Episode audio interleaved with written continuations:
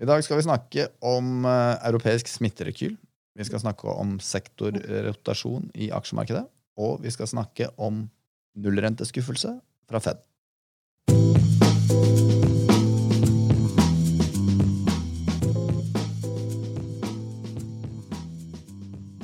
Er du med meg, Christian? Ja da, det er jeg. Hva er det som skjer i Europa på smittefronten nå?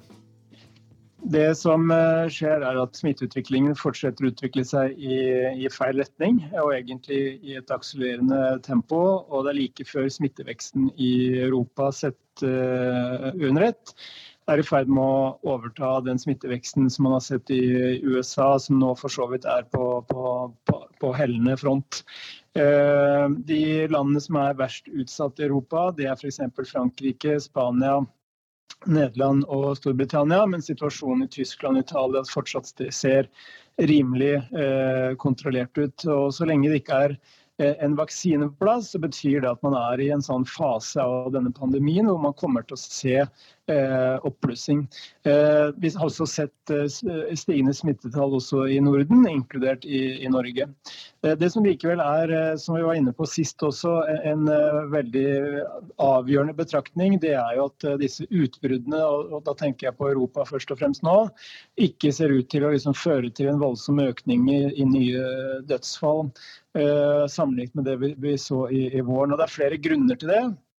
For det første så blir det testet vesentlig flere nå enn det det ble gjort eh, tidligere. Det er flere unge som blir eh, smittet. Det er bedre kunnskap eh, hos helsepersonell i forhold til hvordan man skal behandle de som får mer alvorlige symptomer.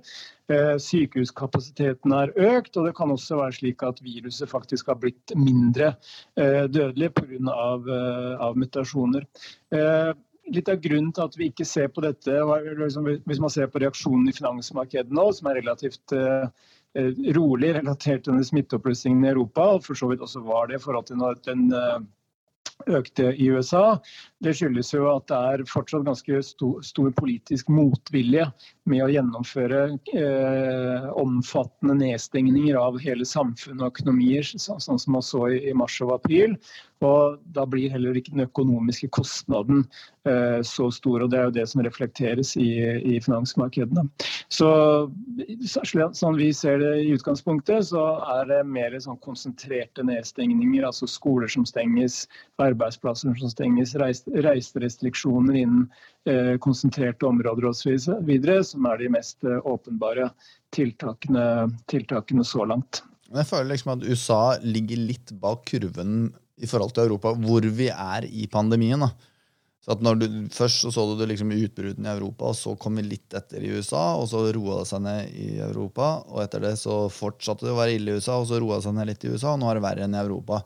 Er det naturlig å tro også at vi skal etter hvert se en oppløsning i USA? da? Det er kanskje veldig spekulasjon fra deg å prøve å si noe om det, men eh, det føles ja, sånn for meg. Men, men, det, er ikke helt, det er ikke et dumt spørsmål, fordi han Anthony Fauci, som jo er en av rådgiverne til Det hvite hus på dette spørsmålet, selv om han har blitt dytta litt i bakgrunnen fordi han har vært uenig med Trump. Eh, han har nettopp vært ute og sagt at det kan komme en ny eh, alvorlig bølge i løpet av, eh, av vinteren, og også i USA.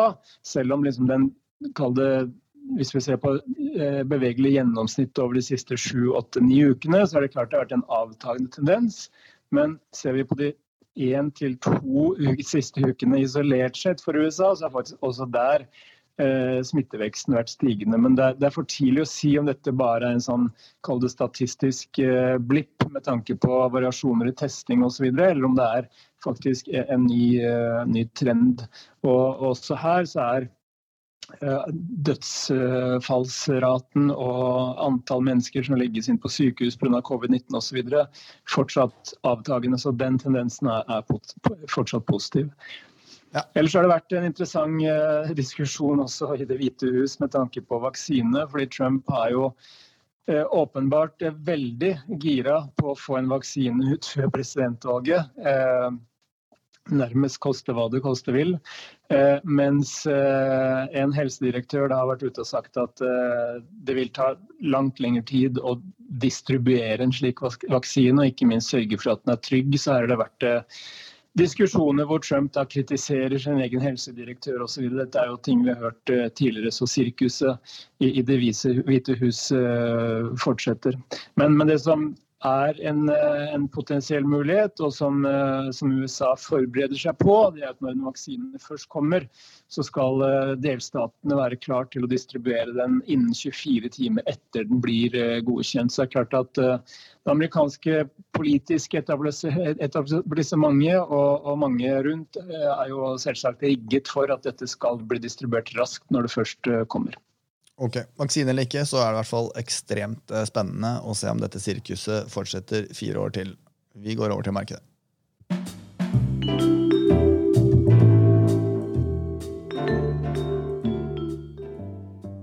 Og der roterer det, Kristian?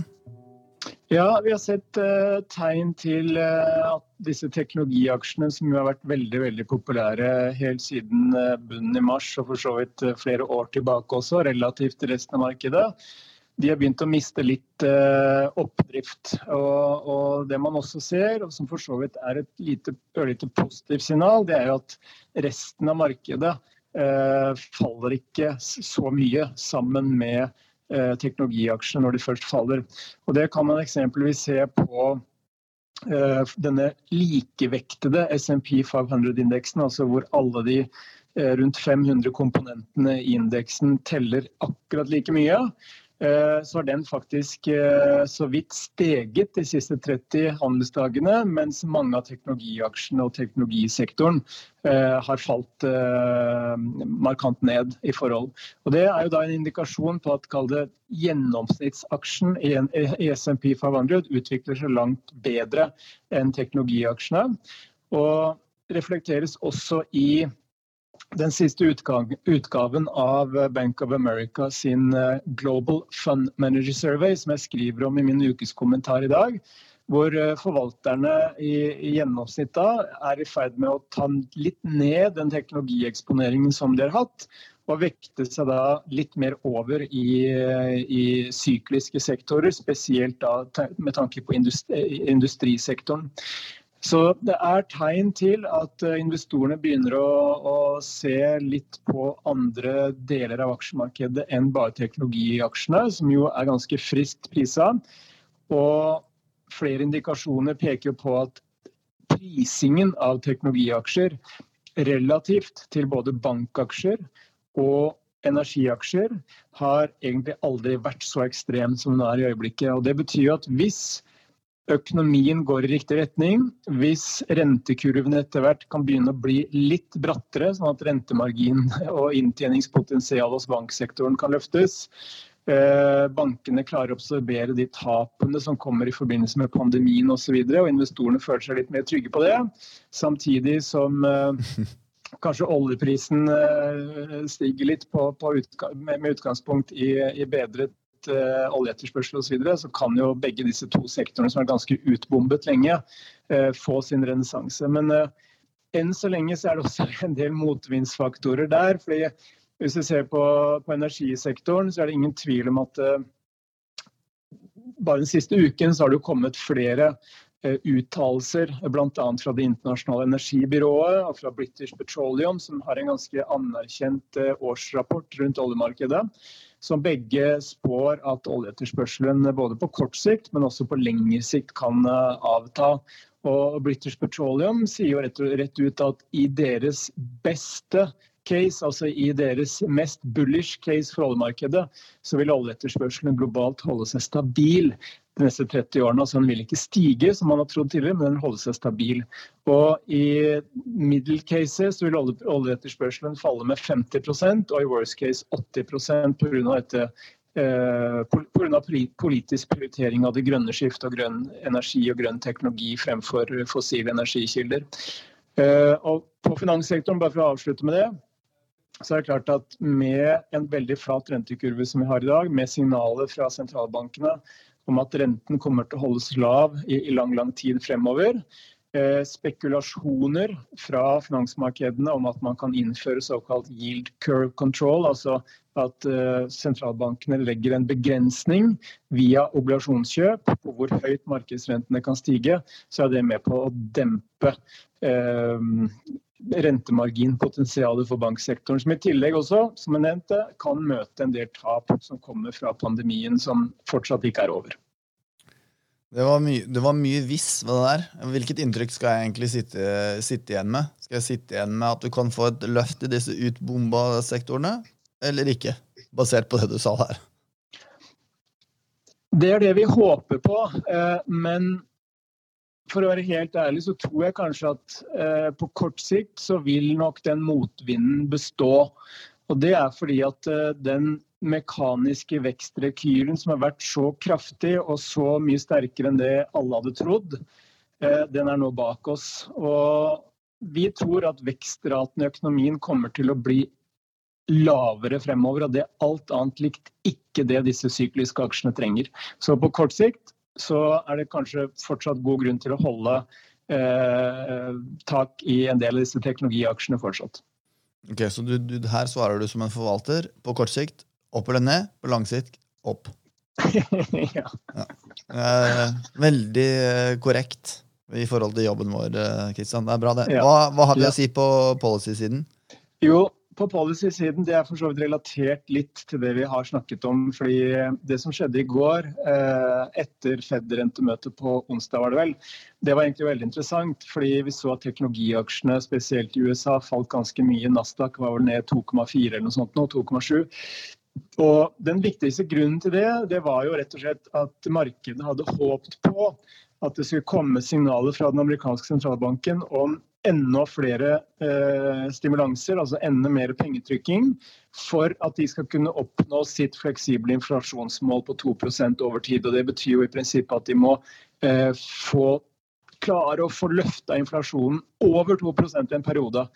Eh, men det kom egentlig ingen nyheter som tilsier at de har planer om å, å, å trykke mer penger eller kjøre på hardere. Eh, derimot så var det bare snakk om eh, at styringsrenten kommer til å bli holdt eh, på null.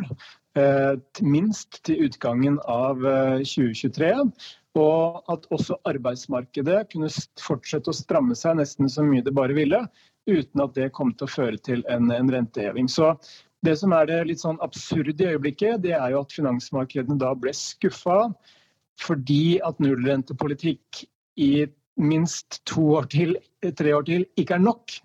De forventet enda mer. Og fordi at teknologiaksjene har vært de som har dratt mest nytte av rentefallet, pga. at de har den høyeste forventede inntjeningsveksten, og dermed når, når rentefallet eh, påvirker diskonteringsrentene, som da gir en høyere nåverdi på fremtidige kontantstrømmer, så betyr det at det er teknologiaksjen som drar mest nytte av det. Men det har også en flipside. Fordi hvis man da tror på at uh, rentene faktisk kan begynne å stige igjen, fordi Fed ikke er aktiv nok, så slår det hardt spe spesielt ut over teknologiaksjene. Interessant. Mor morsom rundtur. Ja, ja, absolutt. Eh, har du noe du ønsker å plugge før vi runder av, Kristian? Mm, ikke som jeg kommer på. Eh, det eneste jeg vil plugge, det er to ting. Det ene er jo da, altså det vil si at jeg kom på to ting.